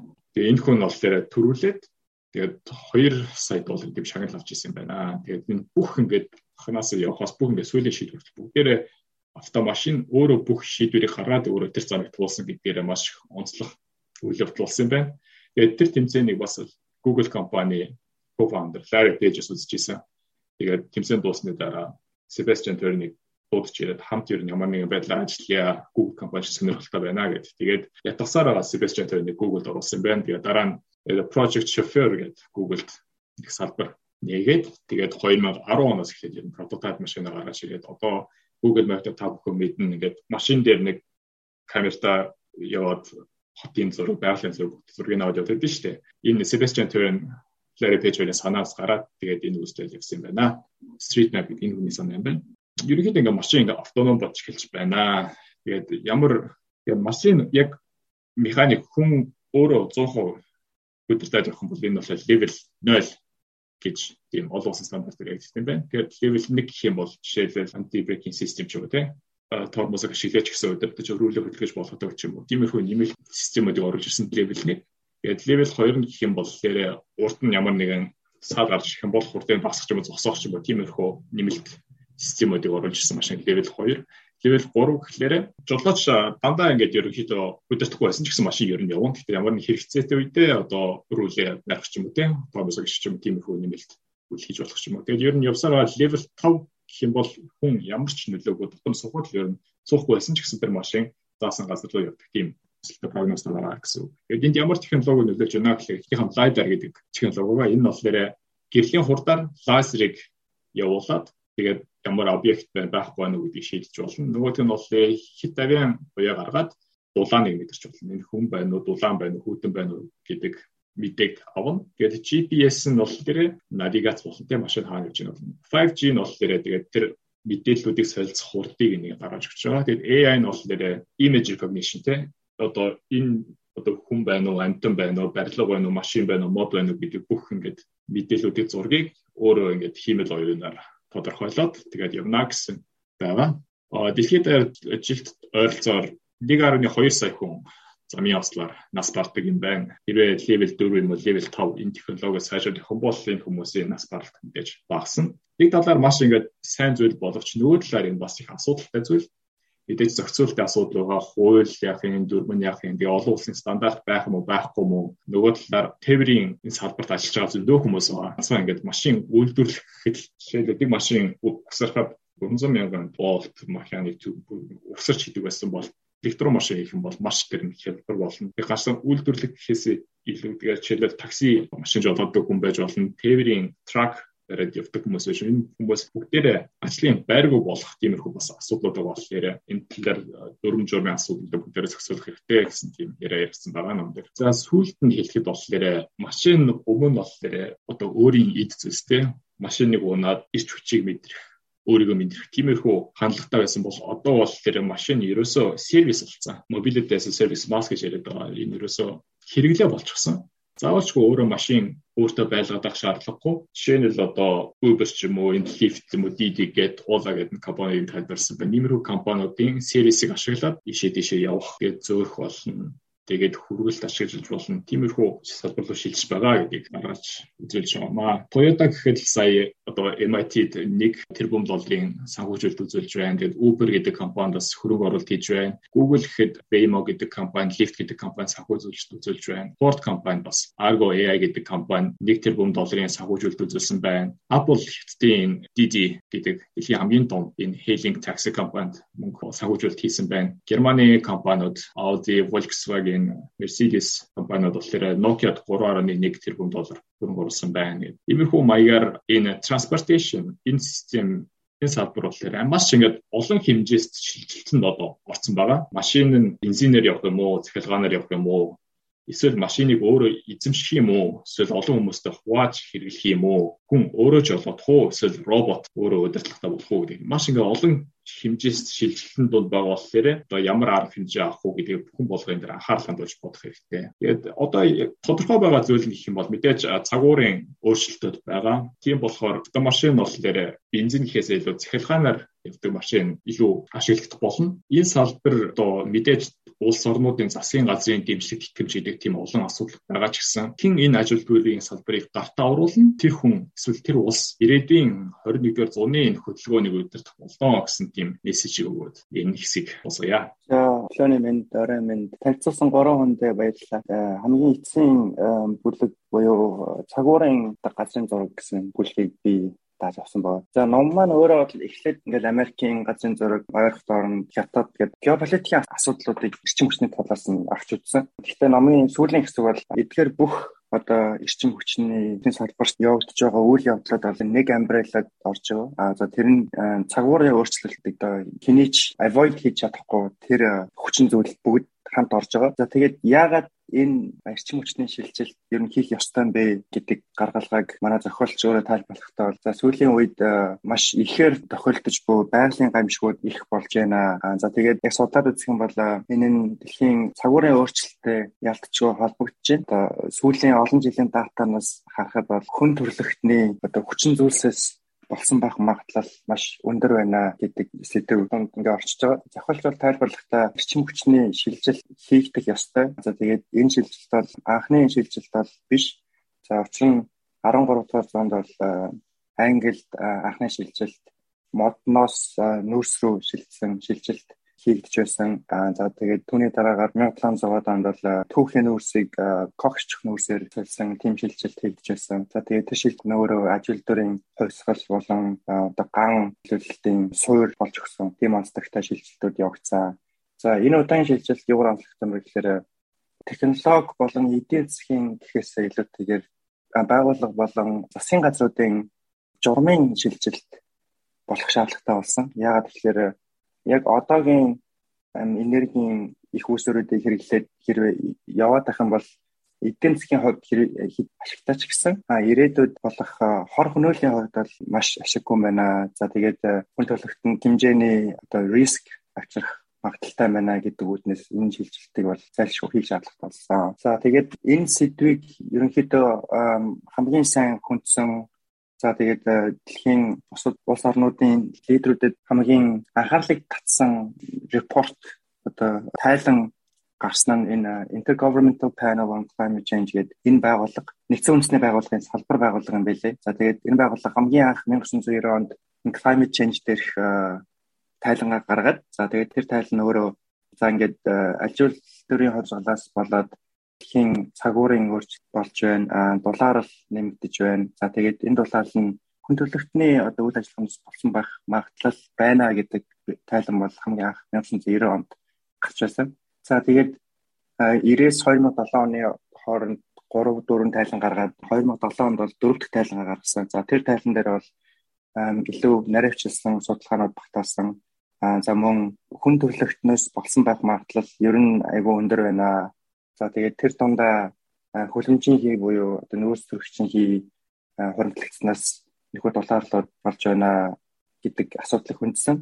За тэгээд дахиад 7 жилийн дараа буюу 2014 онд яалтчгүй одоо хүн төрөлхтний үйл ажиллагаанаас болсон дулаал болж байна. За тийм болохоор бид нэр бүх улс орнууд үүний одоо эсрэг арга хэмжээ авах шаардлагатай байна гэдэг тайлан хамгийн анх гарсан. За тэгээд яг тухайн үед бол 2070 онд Нобелийн энхийн төлөөх шагналыг бол энэ байгууллагын chairman болон Америк нэгдсэн улсын дэд ерөнхийлөгч авсан Al Gore гэдэг хоёр хүн Нобелийн шагналыг авсан. За тэгээд энэ шагнал ягаад айгүй чухал вэ гэхээр энэ шагналыг авснараа одоо олон нийтийн анхаарлыг энэ climate change асуудалд ер нь авчирч чадсан. За тэр бол 2007 онд болсон асуудал. За тэгээд 2014 онд илүү их датагаар баталгаажуулагдаад за үнэхээр хүндрэлтнээс болж байгаа юм байна. За бид нар юм хийх хэрэгтэй байна. Гэсний үндсэн дээр бол 2015 онд Paris Agreement болсон. За тэгээд 2-7 хоног тасралтгүй 100 бараг 70 хэд улс хилэлцсэний үндсэн дээр дулаарлаг бол 2 Цельсийн температурт барья. За тэгээд болж өгвөл 1.5-аас хэтрүүлэхгүй байя гэсэн тийм нэгдсэн нэг зорилгот хүрсэн. Энэ зорилгыг биелүүлэх арга хэмжээнүүд бол National Determined Contribution одоо улсуудын нэмэр заавал байх ёстой. Энэ бол заавал mandatory бол биш voluntary ийм одоо төлөвлөгөөнүүд гарч ирсэн. Манай хүн бол climate change-ийг яг хідэн тоогоор айгуул огт тайлбарлах гэж оролцсны. За энэ нь болохоор 2009-оос 2019 оны тайлангууд дээр бол дунджаар дэлхий 210 гигатон одоо юм нөөц төвч гаргад юм байна. Энэ нь болохоор одоо ингээд natural одоо хүн амьтаг амьсгал тийм үү эсвэл одоо ингээд нормал амьтаг хөх тийм үү ямар нэгэн байдлаар ингээд naturally болж байгаа одоо ялгарл гэсэн үг. Үүн дээр нэмээд 9.5 гигатон бол fossil fuel-ээс за тэгээд 1.5 гигатон бол газрын хэрэглээнээс гарсан ийм 11 гигатон нэмэлт карбон бол гарч хэлсэн. Байгаль өөрөө бол энэ 290 гигатоны бол 215-ын өөрөө ингээд naturally capture хийгээд цирклтэй оруулаад цэвшүүлд явдаг. А гэхдээ үлдсэн жоохон хувь буюу 2.2% бол цэвшүүлж чаддгүй. А энэ үлдсэн 2.2% бол байнгын ингээд accumulate буюу нэмэгцээр байгаад энэ дэлхийн долларлыг үүсгэж байна. Ийм логикоор бол тайлбарсан. Энэ шилжилт хийж байгаатай холбогдуулаад investment буюу хөрөнгө оруулалтууд бас эдгээр шилжилтүүдтэй тааруулан өөрчлөгдөх шаардлагатай болсон. Тэр шаардлагуудаас бол дуртахад одоо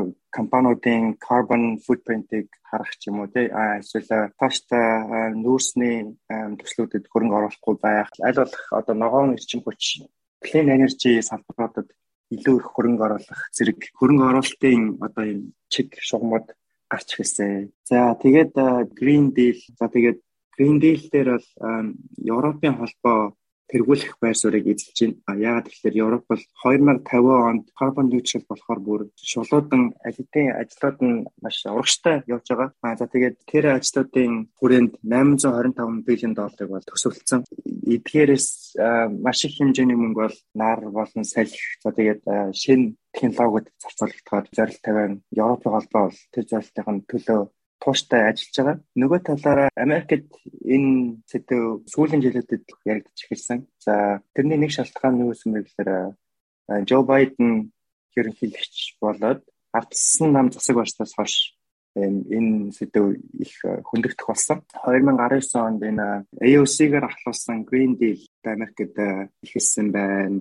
За тэгээд 2012 онд бол ерөнхийлөгч сонгуулийн үеэр цагуурын өөрчлөлттэй холбоотой асуудлууд бол ерөөсө дурддаггүй байсан бол 2016 онд бол энэ сэдв 7 минутыг одоо нэг дебетийн үеэр авсан.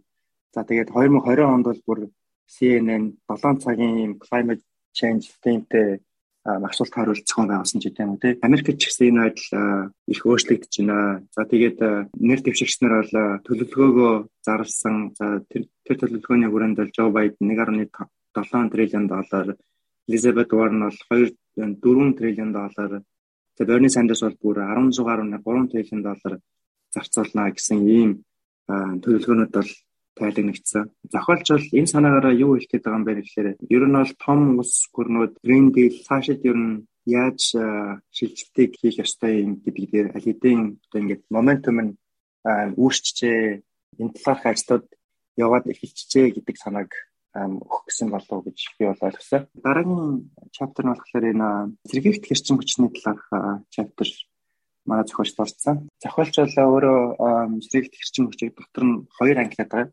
За яаж ангилаад байна гэхээр модерн буюу одоо орчин үеийн зэрэгт хэрчим хүч аа тэгээд уламжлалт гэсэн хоёр ерөнхий ангилалд оролцсон байна. За тэгээд зохиолчийн дүгнж байгаагаар бол ирээдүйн эрчим хүчний салбар хэдий олон төрлийн эрчим хүчний салбараас бүрдсэн хэвээр байх боловч модерн буюу одоо н орчин үеийн сэргийгт эрчим хүчний салбар бол маш хурдцтай өсөж байгаа гэдэг гол мессежийг энэ чаптерт дагуулсан байсан. За тэгээд э, нарны эрчим хүчний талаар болон салхины эрчим хүчний талаар түүх за тэгээд э, яаж одоогийн ер нь нөхцөл байдалд хүрсэн тухай нэг халь тал дуртаад өнгөрсөн байсан. Нарны эрчим хүчний тухай бол э, бүр анх 1905 онд бол Альберт Эйнштейн фотоныг одоо илрүүлснээр одоо нар нарны гэрэл эрчим хүч агуулт юм байна, энерги агуулт юм байна гэдэг теорийн гарч ирсэн. За тэгээд түүний дараагаар нарны эрчим хүчийг нарны эрчим хүчний салбар болон үйлдвэрлэлийг нэмэгдүүлэх хамгийн чухал нэгэн үйл явдал болсон нь Германы одоо байгаль орчны журам, шинээр батлагдсан журмууд болон тэр нь хятадын одоо үйлдвэрлэлийн магнатуудтай нийлсэн энэ үйл явдал бол нарны эрчим хүчний салбарыг одоо ингээд буст хийхэд айгүй их том түлхэц болсон. За тэгээд хятад улс ер нь шинэ эрчим хүчний салбарт ноёрхлоо тогтоохын төлөө ингээд сэтгэл шолоодсон. За тэгээд үүнийхэн төлөө ч гэсэн маш олон ажлуудыг хийж байгаа. За тэрний нэгэн жишээ бол нарны эрчим хүчний салбар бол хятадын одоо үйлдвэрлэлээр доминеэрэд болсон буюу одоо бүр давмгаалсан панел үйлдвэрлэлийн 80%-ыг бол хятад дангаараа хангадаг. За мөн тэгээд энэ салбарыг өөрөө төрөөс нь маш их дэмжлэг, санхүүгийн дэмжлэг болон эдийн засгийн дэмжлэгүүдээр түлхэц хийж тусалдаг гэдэг юм уу тий. Гэх мэтчлэн байдлаар бол нарны эрчим хүч хэдийн ер нь бол хятадын зах зээлийн гарт орсоо. Үүнээс гарахад эдийн засгийн хувьд багахан хүндрэлтэй болсон гэдэг мессежийг өгсөн байлаа. За тэгээд сахины эрчим хүчний тухай бол сүүлийн жилүүдэд хувцастай нэмэгдэж байгаа. Хэдий эдгээр эрчим хүчний их усөрөд нэмэгдэж байгаа хэдий ч тэднэрт одоо сул талууд байгаа. За сул талууд нь бол мэдээж тогтмол биш цагуурын болон одоо өөр хүчин зүйлсүүдээс болоод хэлбэлцэл ихтэй ч гэдэг юм уу тий. Тиймэрхүү сул талуудыг бас дурдсан байлаа. За тэгээд тэр сул талуудаас болоод одоо одоогийн эрчим хүч түгээх сүлжээ эдгээрийн одоо энэ сул тал болон давуу талуудтай харьцаж нийлж чадах уу? Цаашид ер нь энэ grid яаж өөрчлөгдөж магадгүй вэ?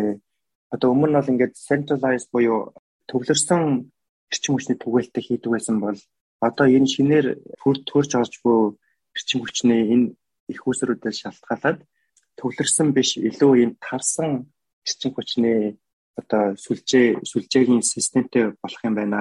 Тийм мессежийг зохиолч энэ оруулсан байсан. Одоо шинэ технологиудын талаар бас хайлт дуртаад өнгөрсөн байсан. Базраа тулгаа хоёр бас хэлсэн. За тэгээд шинэ технологиг дуртахтаа бол босторогч болон carbon capture технологиудыг дурдсан байсан. За тэгээд босторогч бол ойлгомжтой байгальд өөрөөрөө оршдгоо ямар нэгэн байдлаар заавал гаргаж авах хэрэгтэй. Одоо дийлэнх ус төрөгч бол нүүрс болон байгалийн хийнээс гаргаж авдаг. За тэгээд цаашид ер нь байгалийн хийг орлох потенциалтай, магадлалтай гэж үзээд хөрөнгө оруулалтууд хийгдэж байгаа гэсэн мессежийг агуулсан байсан. За carbon capture болохоор үйлдвэрлэлийн явцад шууд тэр carbonic capture гэж болж байна. Одоо олцолж болж байна тий. А эсвэл тэр олцолсон карбонороо өөр бүтээгдэхүүн гаргаж авч болж юм ч гэдэг юм уу. Иймэрхүү шинэ технологиуд туршигдсаар байгаа. А хитээ туршигдсаар байгаа хэдий ч эдийн засгийн хувьд бол одоогоор яг хангалттай ашигтай хэмжээнд очих арай болоогүй байгаа. А гэхдээ энэ нь одоо ингээд цааш бас нэг юм потенциал технологи байж болох юм аа. гэсэн ерөнхий мессежийг агуулсан байсан. За дараагийн сэдвт бол хөгжиж буй орнуудын эдийн засгийн хэрэглээ, эдийн засгийн одоо mix гэсэн чаптеруудыг авсан байсан. Хөгжиж буй орнуудыг интег улсаар ерөнхийдөө төлөөлүүлээд жишээ авсан байсан. Тэр нь надад тэр нь таалагдсан. А яагаад тэгэхээр интег бол ялцчгүй одоо том гүрнүүдийн нэг болж байна. Хэрэглээ нь өсөж байна. Хуамын тоон их байна тий гэсэн хэдий ч өөрсдийн гэсэн яг эрчим хүчний баталгаад нөөц байхгүй бусад улсуудаас хараад за тэгээд энэ олон хүчин зүйлсүүдийг энэхүү улс яаж менеж хийж цаашаа стратеги тодорхойлох вэ гэдэг тухай тайлбарласан. Энэхүү улс бусад хөгжиж буй буурай орнуудыг ерөнхийдөө биеэрээ одоо репрезент хийж байгаа. Яагаад гэвэл энэхүү улс бол ядуу ядуу буурай хүн ам ихтэй аа тэгээд наар салхины эрчим хүч яг хэдий байгаа ч гэсэн хүн болгонд тэг эрчим хүч бол хөрөлттэй биш. За тэгээд Европын улс ч юм уу эсвэл Америкт болж байгаа энэ эрчим хүчний том том хөрөнгө оруулалтууд энтгэрт бас төдийлөн болоод байх боломжгүй одоо энэ шин чанар чанаруудаараа бол ядуу буурай хөгжиж буй орнуудтай бол жоохон дөхөм. А тийм учраас энтгээр ингээд бусад орнуудыг төлөөлөлцсөн. За тэгээд энтгийг бол бас сая дурдсанчлан эрчим хүчний баталгаад нөөц байхгүй учраас liquefied natural gas буюу одоо нэг шингэрүүлсэн байгалийн хий рүү ер нь shift хийх хандлагатай байгаа. Аа за тэгээд тэрхүү байгалийн хийн ер нь бол Америкаас хараад байх өндөр магадaltaй байгаа. Бусад улсууд бас одоо өөрийн гэсэн эрчим хүчний сорсыг олохгүй бол бас ганцхан нөөц ч юм уу газрын тосноос хараад байж болохгүй байна. Тэр мессежийг энтэг улсаар дамжуулж өгсөн байгаа. За хамгийн сүүлийн chapter changing mix буюу ирээдүйн эрчим хүчний их усөрүүд ер нь ямархуу их усөрүүдээс бүрдэх юм бэ гэсэн санааг агуулсан chapter байсан. Хичнээн ингээл одоогийн нийгэм газрын тосыг одоо ингээд илдүүцдэг ч гэсэн энэнгүүгээр бид нэр одоо ингээд цаашаа явах ямар ч болцоо байхгүй. Энэ mix маань өөрөө амар юм gradual багахан хэмжээгээр шилжилт хийгнэ үхээс биш. Энэ бол 10 20 жил хийгдэх шилжилт биш юм аа. 2050 онд ч гэсэн ер нь бол нүүрс за нүүрсээ биш юм аа гэхэд газрын тос байгалийн хий бол бас л давмгаалах эрчим хүчний нөөц хിവэр байсаар байна. Түүний хамтаар сэргийгт эрчим хүч бол бас бас нэг том эрчим хүчний нөөц болно. Тэрнээс биш бол ганцхан renewable energy-гээр бол бүх global эрчим хүчний demand-ыг бол нийлүүлж чадахгүй маа гэсэн мессежийг өгсөн байсан. Бас нэгэн сонирхолтой асуулт нь бол бид нэр айгүй их ингээл нөгөө нэг peak oil хизээ болох юм бэ? Peak oil болсон уу? Болох уу гэж асуудаг байсан бол зохиолч chapter дээр бол peak oil гэхээс илүүтэйгээр peak demand одоо хизээ хизээ болох юм бэ гэдэг асуулт баг илүү relevant болсон байна. Ягаад гэхээр нутгийн нөөц бол байна уу байна, Оросч байна, Сауди Араб, Америк улсууд бол хичнээн ингээд нөөцөө бариад бариад хангалттай нөөц тэдэнд бол байна. Аа гэхдээ demand нь магадгүй одоо пиктэй хүрэх боломжтой байна. Аа түүний дараагаар бол энэ энэ demand бол буурах юм байна гэсэн тийм мессежийг өгсөн байсан. За тэгээд хэдий Европ, Америк нэгдсэн улс газрын тосны хэрэглэнээс аль болох бага багаар татгалзсаар байгаа боловч developing countries буюу одоо энэ хөгжиж буй орнуудад бол газрын тосны хэрэглээ харин ч эсрэгээрээ өсөж байгаа.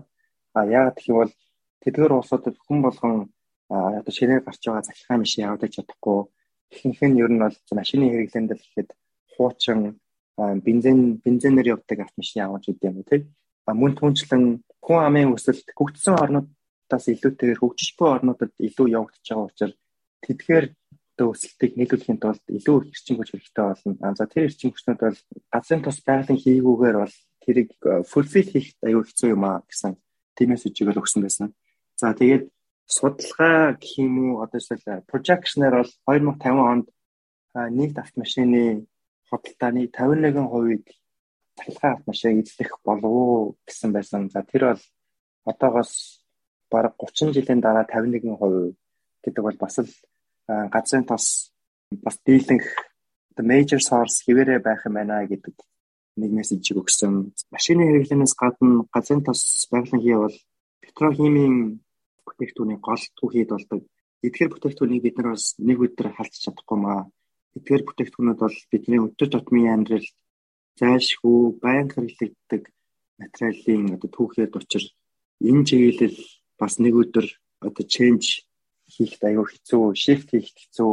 Энэ бол аюу тийм gradual shift байх болно гэдэг мессеж энэ сүүлийн юм чадвар дээр өгсөн байсан.